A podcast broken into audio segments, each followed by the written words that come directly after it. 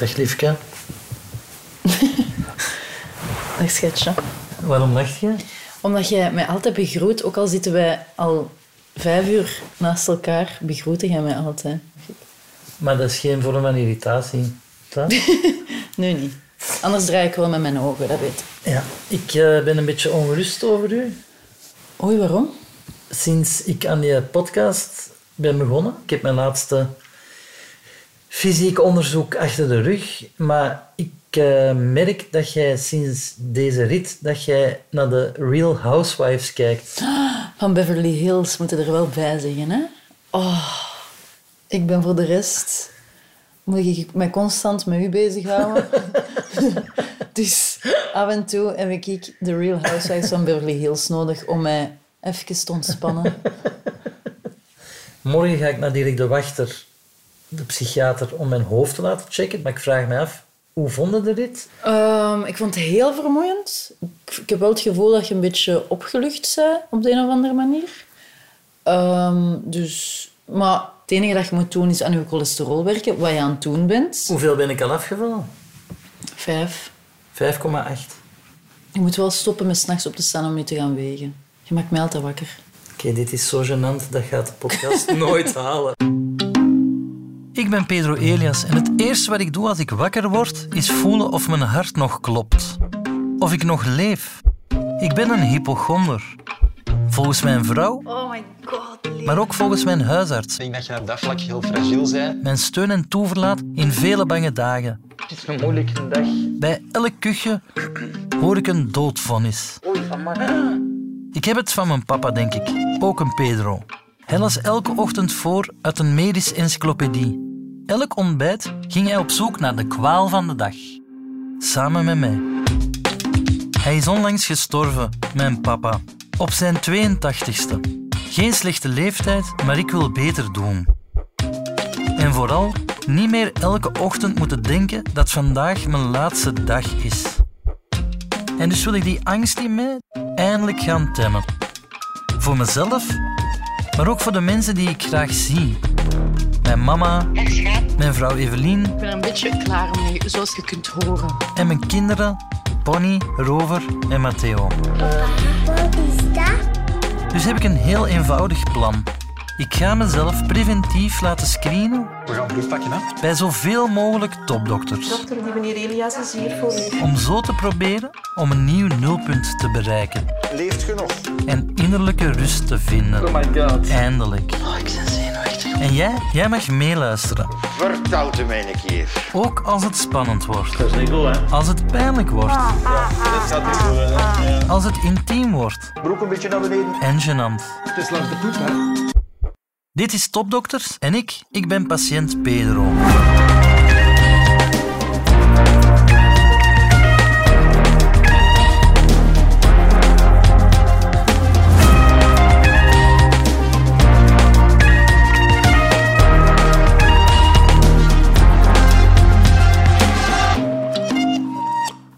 Slotaflevering ga ik naar psychiater Dirk de Wachter. Maar voor ik dat doe, spring ik nog heel even binnen bij mijn mama. Door de podcast brengen we nog meer tijd door samen. Om herinneringen op te halen aan mijn papa. Mama, ik herinner mij nog iets plezant, maar minder plezant voor ons. Ineens had hem een obsessie met look. Ja. En dan stond hij hier in de keuken teentjes look te eten. Oh, en ik, kon die, ik, ik eet heel graag lo- look. Maar dan had hij een therapie van look. Een vriend had dat gezegd. Zo'n grote pot look. En die huid stinkt dan. De huid. Ja, als je die En jij therapie hebt een doet. enorm reukvermogen, Ja. hè? Maar hij Ja. had toch teentjes look en dan Ja, had ze maar dat is een niet hele slecht. uitleg Ja. van ja, maar je moet dat doen, want dan gaat je langer leven. Dan kon hem dat goed verkopen. Ja. Aan Dus- iemand anders. dus ik heb het zelf ook zo omschreven, maar, maar zijn hypochondrie was eigenlijk ook een ode aan het leven. Hij leefde graag. Hè. Ja. Ik zit nu soms zo ver dat ik snak naar... Wat als je die zon draait en dat je zoiets hebt, ah wel, dan ga ik dood. En dat niet erg vinden. Want ik ben zo Ik heb- angstig dat ik ga sterven. Ah, ik niet. Maar misschien moet ik ofwel zoeken naar een God die mij een eeuwig leven ergens anders belooft, ofwel een dikke voert van, ah wel ja dan. Zoals mijn vrouw die zegt, We gaan allemaal dood. We gaan allemaal dood. En wacht ze, Eh, er is een Spaanse schrijver eh, dat zegt... Doodgaan is het vulgairste wat er... Ja, Marquez. Nee, Marquez wie nog. was het? Cel- Cella. Ce- Cella. Cella, papa heeft Ja. dat... Dat is ongelooflijk. Ja. Hij heeft dat in zijn sterfweek aan Ja. mij verteld. Ja, Morir es lo más vulgar que hay. ja, exacto. Om te zeggen, Ja. we gaan allemaal dood. Ja. Wauw. De Spaanse schrijver Camilo José Cela die vat het ontzettend goed samen. La muerte es una De vulgaridad. dood boezemt hem geen angst in, schrijft hij. Als de dood komt, dan komt hij. En klaar. Maar ook al won hij een Nobelprijs en ook al was hij de lievelingsschrijver van mijn papa, toch kunnen zijn woorden me niet overtuigen om geen angst te hebben. Ik luister liever naar die andere Nobelprijswinnaar, die van de liefde, mijn mama. Ja. En anders moet je gewoon eens naar een therapeut gaan, naar een psycholoog of een psychiater gewoon eens uitleggen wat jij voelt. En voel je goed met die psychiater of die, of die therapeut, blijf erbij. Voel je er niet goed bij, gaat direct weg. Ja. Dat is het enigste wat ik kan zeggen. En waarom heb je dat niet aan papa gezegd, die goede raad? Maar die vond dat niet nodig voor hem. Vond dat niet nodig.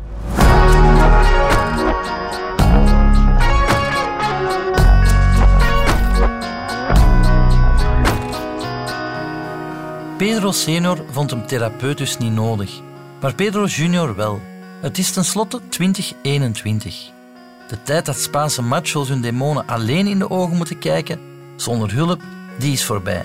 En dus ga ik aanbellen bij psychiater Dirk de Wachter. Voilà, ik sta hier aan de deur van eh, dokter De Wachter. Bekend psychiater. Prachtig, prachtige gevel. En het heeft iets dat in de hoogte gebouwd is naar een of andere god. Dit is de laatste halte van deze podcast.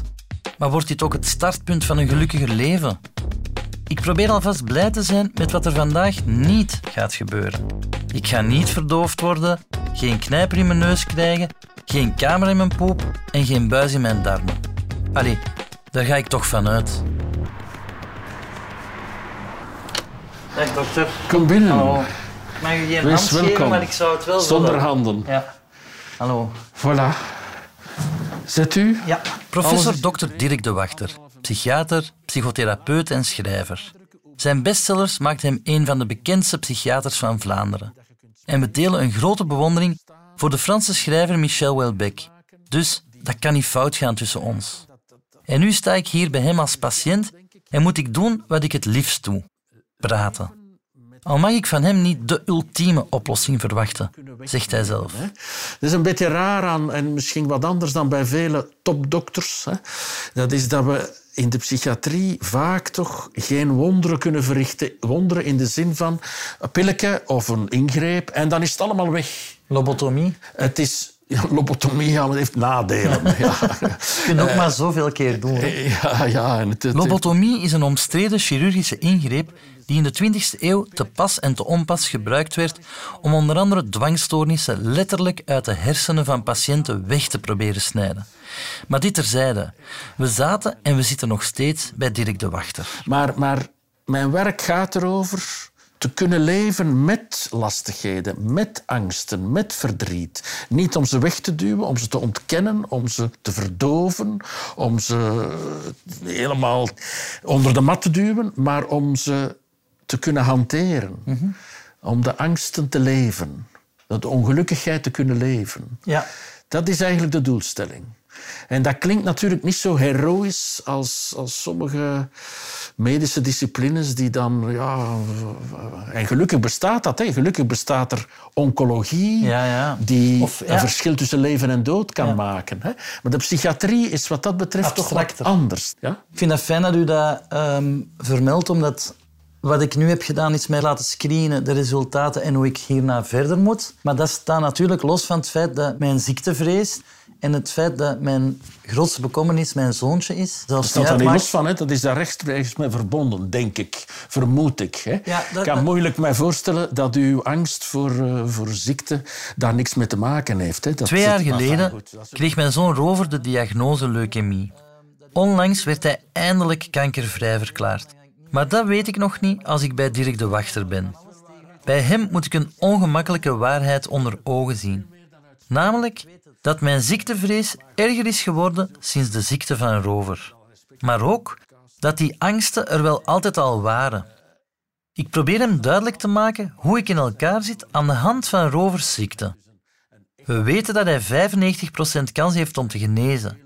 Maar die 5%, daar kan mijn geest niet mee om. Mijn mantra is, eh, zou moeten zijn, hij gaat het halen. We hebben er wetenschappelijk 95% gekregen. En ik ben al twee jaar over 5% aan het fantaseren. En ik voel me ook schuldig dat ik eh, zoveel met mijn eigen eindigheid bezig ben. Ik geloof in niets. In geen God of... Dus als, als mijn zon het niet haalt, heb ik geen parachute. En dat maakt me heel ehm, kwetsbaar. Maar als je het zo vertelt, dan hoor ik vooral een eh, heel begrijpelijke, ik zou bijna zeggen normale, maar dat is een woord dat niet erg gepast is in mijn vak. Een heel begrijpelijke reactie op een extreme stressor. Hè? Een eh, gevoelige mens die, die reageert op iets wat niemand wil meemaken. Ja. Ik weet niet of dat, dan moet behandeld worden, maar het moet wel goed ondersteund worden, natuurlijk. Hè? Ja. Dat wel. Maar je hebt ook een goede partner, begrijp ik. Zeker. Ja. Rover is een heel acute hobbel op een, een parcours van, dat aaneenhangt van angsten eigenlijk. Ja. Want ik focus nu heel veel op rover, maar daarvoor was ik... Eigenlijk heb ik gewoon extra pech dat ik dit meemaak, mezelf zijnde. Ik wil graag begrijpen hoe ik ik geworden ben. Hoe is dat roekeloze kind dat ik ooit was, die angstige man geworden die ik vandaag ben? Door een niet verwerkt trauma uit mijn vroege kindertijd misschien. Als ik drie jaar was, heb ik een stuk vinger verloren in de lift. Ik zie het, ja. Op de melkmarkt, hier niet ver vandaan, waar ik ben opgegroeid. Ah ja. Ja, eh, en ehm, ik weet dat dat een brutale aangelegenheid was. Die lift hing ook vol eh, bloed. En eh, daar is verder nooit over gepraat met mijn ouders. Een stukje traumatische toestand. Ik eigenlijk. weet niet, want wat is uw, uw werkwijze? Is het gaan zoeken, bijna Freudiaans, zoeken naar trauma's? Ja, dan is dit ongetwijfeld bloederig voor een drie Ik ben geen Freudiaan. Nee, ik, nee. ben, eh, ik heb, je ziet hier ook geen bank Nee, waar je nee. moet op liggen. Hè? maar eh, ik uiteraard ga ik in mijn werk ook eh, in het levensverhaal kijken naar lastige dingen die gebeurd zijn en waar dat eventueel inderdaad niet over gesproken is en die Ja. toch beter uitgesproken worden. Maar ik ga toch altijd heel erg letten op de goede dingen van het leven Ja. en wat er ondersteunend en, en gunstig is geweest. En ja, ik zal ik vragen naar, naar uw ouders en uw, en uw geliefden en uw vrienden en uw broers en zusters. En ben ik, Ik krijg veel liefde in mijn leven. Van mijn ouders, mijn familie, mijn vrienden. Maar de dood van mijn vader, niet zo lang geleden, heeft me heel erg aangegrepen. Door over hem te praten, houd ik hem in leven. Maar deze onderneming heeft me ook dingen over hem doen inzien. Hij was een hypochonder, overduidelijk. Zou je dat van hem geërfd hebben? Mijn vader was in mijn hoofd een stoere bohemien. In zijn gedrag sowieso een bohemien die nooit iets normaal kon doen. Dus eh, zelfs parkeren moest een beetje op een stoep zijn, al was er een plek. Die zag overal verzet in zijn hoofd. Een heel mooie, kleurrijke figuur. Ja, ja. Maar ik associeerde Wat een dat... voorrecht om zo'n vader gehad te hebben, zou ik dan zeggen. Hè? Ja, ja, ja, zeer eh, vermoeiend, maar heel schoon. Ja. En eh, niets was normaal. Op, een klein voorbeeld, op vakantie vertrekken. Mijn echtgenote komt uit een klassiek Vlaams gezin waarin dat een vakantie wordt geboekt. Bij ons, wij vertrokken ergens. En als we in Charleroi waren, zei We gaan toch ik voel het niet. We rijden terug.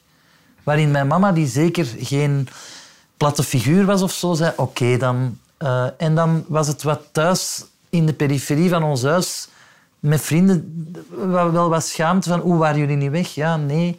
En dan was plots, ja, we zijn weg. Dat is een samenvatting van mijn opvoeding.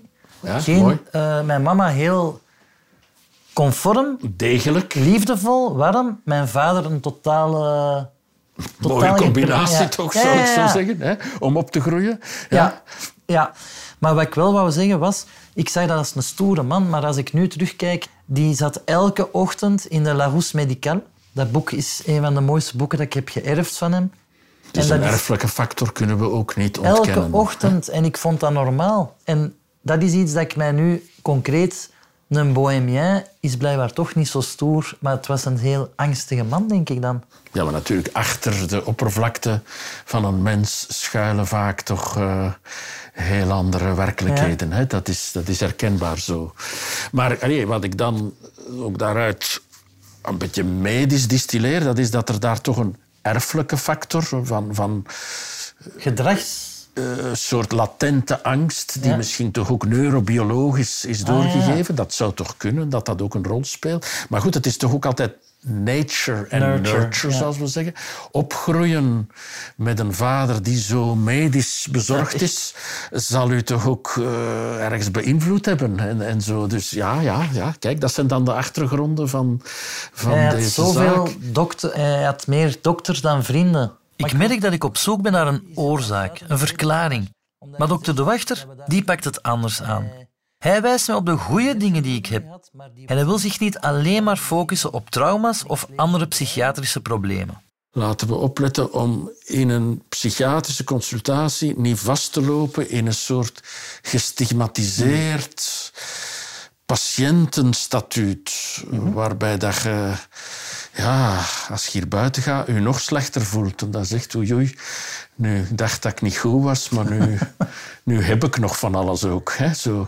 In hypochondrie zijn twee soorten hypochonders. Er zijn er degenen die eh, dwangmatig blijven zoeken naar onderzoeken en dokters aflopen enzovoort. En je hebt er anderen die zich opsluiten thuis, niet buiten komen en niks niet meer durven, die geen dokter durven zien, omdat ze denken dat die iets- gaan ontdekken. Dat zijn zo de twee types, zoals men dat in de En literatuur is er een amalgaam beschrijft, hè. van beide? Want, want ik heb het gevoel dat ik en constant onderzoek Het gemengde type. Ja. Ja. Nee, maar bestaat dat? Ook zo mooi aan al die types dat die altijd Nee, weer de werkelijkheid voilà. Dus eh, tekort doen. type. Nee. Welk type ben ik nu? Misschien doet dat er niet zoveel toe. Want het gaat om de angst. En oké, nu lijkt die onder controle. Ook omdat de onderzoeken me gerust hebben gesteld. Maar daarvoor zat ik heel diep. En dat mag ik niet vergeten. Ik ben op het einde van mijn onderneming... Ik heb alles laten controleren. Dat heeft voor veel slapeloze nachten gezorgd.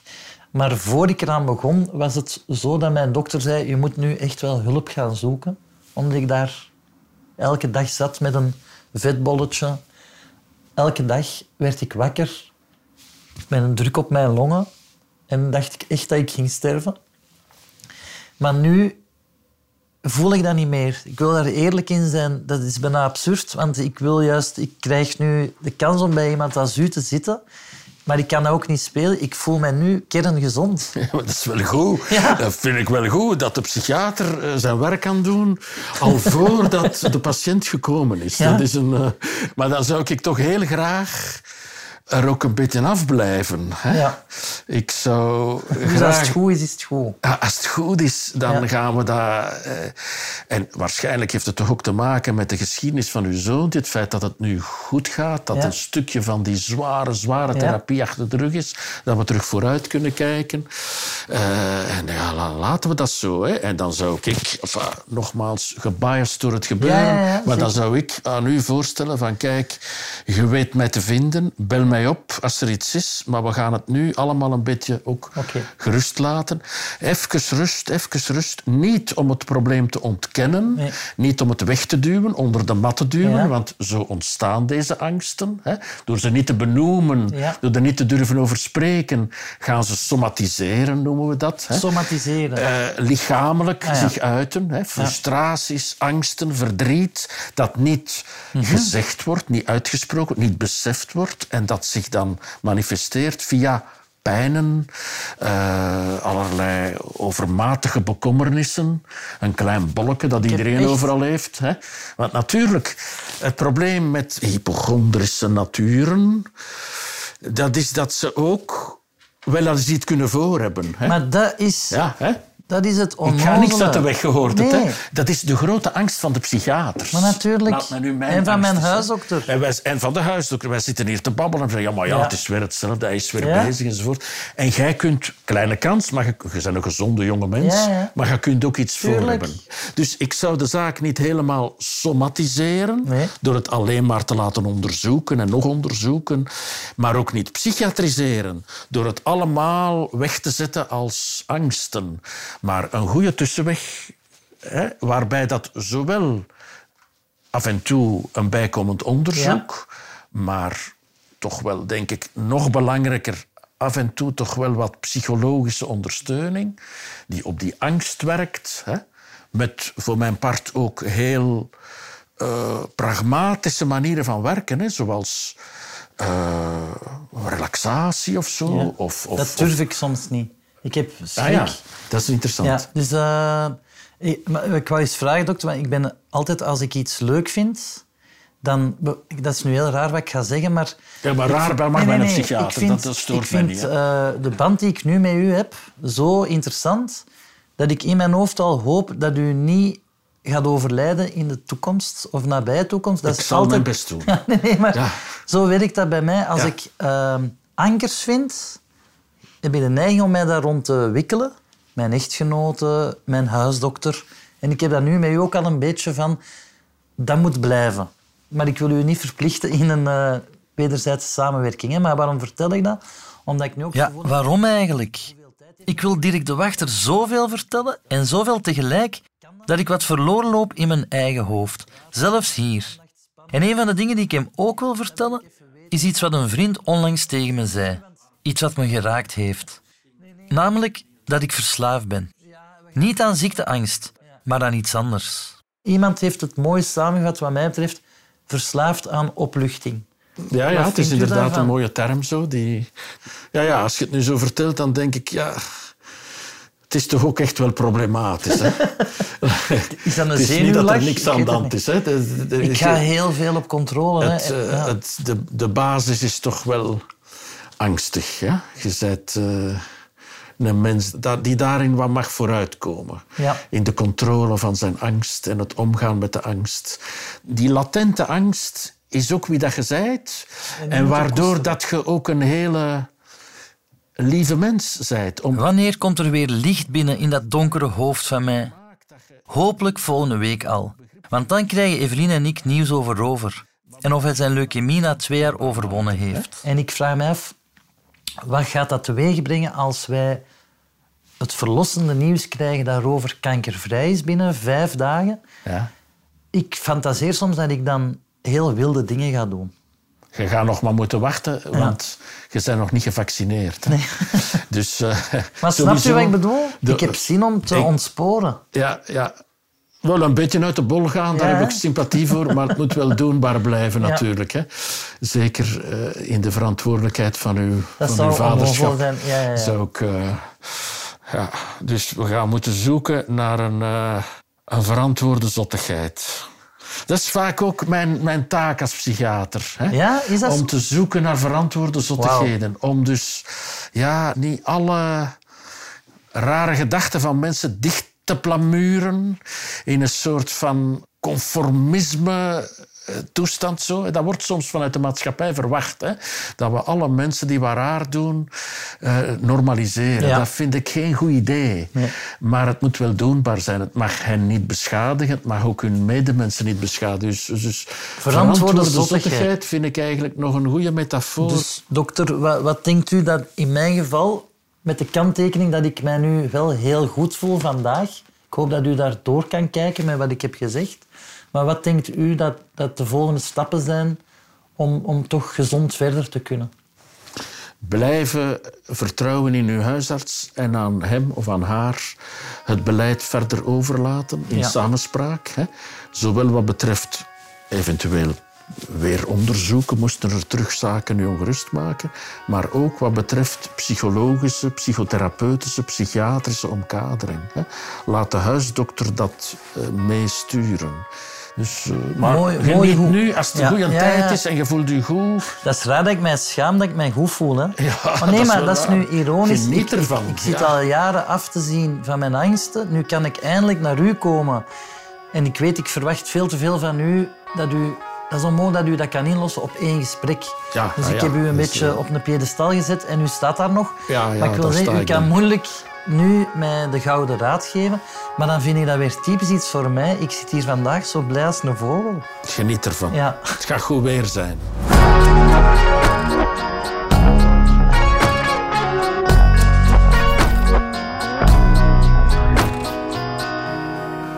Dirk de Wachter zegt dus dat hij mij niet kan helpen op één consultatie. Maar hij is veel te bescheiden, want hij heeft het wel gedaan. Hij heeft mij gezegd vanaf nu verantwoord zot te zijn. En dat is precies wat ik ga doen.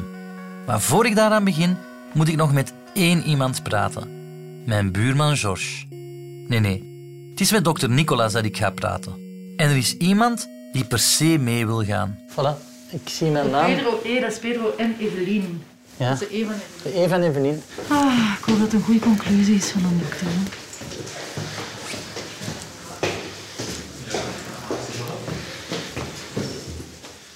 Goed, eh, Pedro. eh Ja. eh, ça va een beetje, want het is wel een serieus traject geweest. Hè? Ik eh, ben zo wat op de hoogte gehouden Ja. geweest eh, door, door de, de collega-specialisten. Eh, maar misschien is het fijn dat, dat we het ook wat terugkoppelen. Hè? Heel we zien van, oké, wat doen we hier nu mee? Ja. Wat is waardevol? Wat, wat kunnen we Ja. wat loslaten? En zeker omwille van het feit dat ik ook wel ja, heel bezorgd was over ja, die mentale gezondheid, hè? Die, die ongerustheid die er altijd is. En dat is denk ik iets dat Evelien ook wel, eh, dat we in het verleden ook al dikwijls besproken hebben. Maar eh, we moeten natuurlijk, eh, buiten de, de lichamelijke check-up, moeten we ook denk ik zien, dat is niet om mij te ontlasten, maar vooral om jou en ook inderdaad de omgeving te Ja. ontlasten, denk ik. Dus maar onze rover is genezen. Dat is, Dus dat is, geweldig nieuws, ehm, inderdaad. Moeten we ook eens over hebben. Misschien dat is twee jaar lang heel veel angsten. Los van mijn eigen problemen. Ja. Dat nu wegvallen. Eh, dus ik voel me zeer gelukkig op dat vlak. Ja. Eh, letterlijk. En de route die ik heb afgelegd heeft mij rust gebracht. Omdat het nu wetenschappelijk, los van de dingen die we gaan samen overlopen, er zijn echt wel dingen gevonden. Ja. Maar momenteel voel ik mij totaal veilig en eh, zou ik durven zeggen dat die route zinvol is geweest. Ja. Eh, en dan, voordat u aan het overzicht begint, dokter, ben ik eh, onlangs bij Dirk de Wachter geweest. Ja. Dat was met u ook afgesproken Ja, ik op had het dat aangeraden, om dat te doen, hè. Voilà. En hij heeft mij op zijn aanraden weer naar u gestuurd. Hij kon ook niet genoeg benadrukken wat de rol van de huisarts is. En eigenlijk is zijn boodschap, ga naar Nicolaas en doe iets aan uw hoofd. Ja, oké. Ja. Nog wat meer druk. Ja, nee, ik denk eh, eerst en vooral, ik ben super blij hè, voor, voor Rover. Eh, ik denk dat dat voor elke ouder enorm belastend is. Hè. Eh, Maar dat eh, daarnaast, eh, omwille van het feit hè, dat, je, dat jij altijd wel heel ongerust was, dat dat een extra belasting is geweest. Hè. Dus dat dat zeker rust gaat brengen. eh, en dat dat gewoon voor Rover vooral heel, heel fijn is, hè, dat hem, dat hem genezen is. Ja, ja, absoluut. Ehm, wat betreft eh, dat je inderdaad door heel dit experiment en traject eh, eh, niet onrustiger bent geworden, is dat natuurlijk heel fijn. Want ik was natuurlijk wel Ja, bezorgd als je de eerste keer... je dan gaat dit al, alles niet wat erger maken of groter maken. Dus het is al heel fijn om te horen dat dat, dat nu toch al meer rust geeft. Zeker. Ehm, dus, maar ik weet niet, ja, dus dat is jouw beleving geweest. Ik weet niet, want jij bent er ook bij. Hoe is uw beleving Ehm, ja, geweest? Ja, ik voel wel dat er een soort van opluchting... Allee, of ik, ik vind dat wel. Ik vind, je, je zeurt er ook minder over of je hebt minder kwaad. Dus dat, ik voel wel echt dat dat werkt. Ehm, maar dat was een pittig parcours ook. De Voor stress en, en de ongerustheid. Het, het, soms, sorry dat ik het zeg, voelt het bijna als een kind aan, daar waar ik ook voor moet zorgen. En ik heb er al twee en kleintjes en in dat ziekenhuis geweest. En ja, wacht, ik zeg dat soms wat te lachen, maar dat is soms echt een derde kind. En ik ben soms gewoon moe. Voilà, ik ging hier niet komen om te wenen, maar, Maar dat, is gewoon, dat is gewoon... Dat is gewoon soms geweest dat ik daar niet van over kon. Dat, dat je nog kon klagen als, als er al twee rondliepen die aan ons dingen Terwijl nu besef ik ook wel dat, je, dat dat effectief iets echt is. Ik heb misschien te lang gedacht dat dat niks echt was. Omdat ik, ik vind dat dat niet echt is. Maar het is... Maar ik snap dat. hè. Allee, ik... Ja. Ja, de zakdoekjes.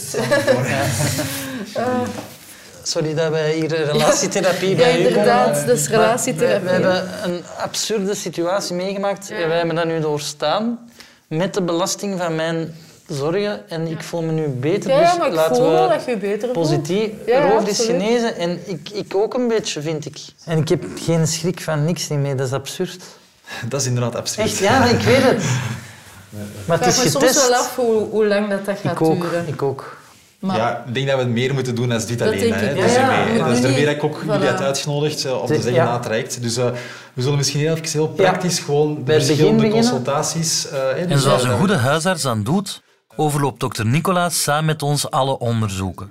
We bepalen wat er wel en niet opgevolgd moet worden en we maken een strijdplan voor de komende maanden. Verder afvallen, cholesterol lager krijgen, bloeddruk blijven meten en psychologische hulp zoeken. Ehm, goed, ik denk Ja, dat we oké. erdoor zijn. Hè. Het is Dus, veel, hè, eh, dokter? Ja, het is veel, eh, maar dat wisten we ook wel. Maar u, echt super. Ik, ik hoop dat u dat ook een schoon experiment vond. Eh, Ik was wel angstig Ja, over het feit van ja, komt, dat, komt dat wel, wel goed. Eh, dus, maar ik denk dat voorlopig is het zeker oké. Eh, en als we nu daar een goede vervolg aan kunnen Ja, breien, de volgende keer dat ik u bel is niet voor een vetbolletje, maar voordat ik een psycholoog heb gevonden. dat zou super zijn. Ja. Oké, goed. Oké, kijk, we gaan Zie u naar laten, uit. En eh, ook succes met uw nieuw kindje binnenkort. Hè. Is dat voor nu, nu? Eh, Het is vandaag uitgerekend. Oh, amai. Jonge mensen? Dat weten we niet. Is een Je verrassing. wilt het niet weten? Nee, nee, nee, we weten het Amai, niet. dat moet het Ja. kunnen. Er zijn twee namen die klaar zitten. Dus, eh, Wauw. ja. Oké, dokter, goed eh, succes met de bevalling. Hè? Ja, dat komt goed. Mooi kindje Ik maken. ben nog eens blij van Robert en Ja. uh, hou contact. Ja, zeker. Dank u voor alles. Dag.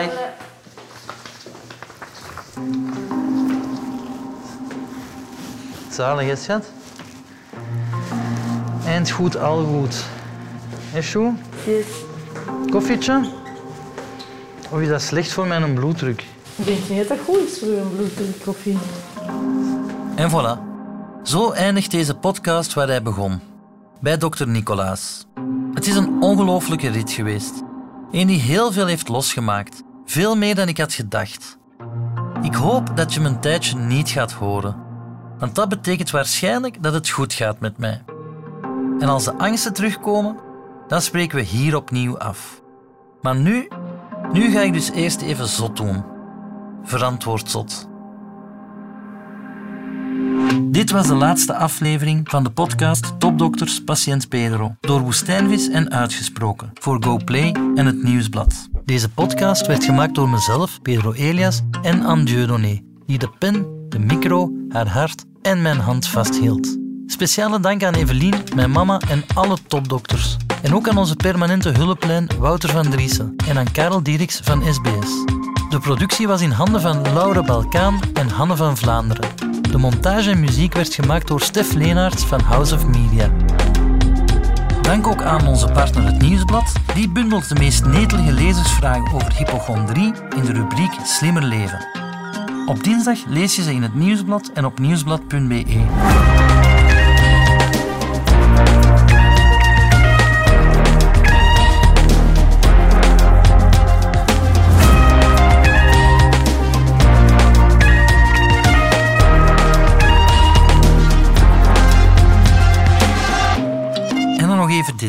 Deze podcast is mijn persoonlijke verhaal. En het heeft niet de ambitie om helemaal accuraat of volledig te zijn. Voor vragen over je eigen gezondheid kan je terecht bij je arts. Vanzelfsprekend kan niets in deze podcast een consultatie, een medisch onderzoek, een diagnose of een behandeling vervangen. Zorg goed voor jezelf en blijf gezond.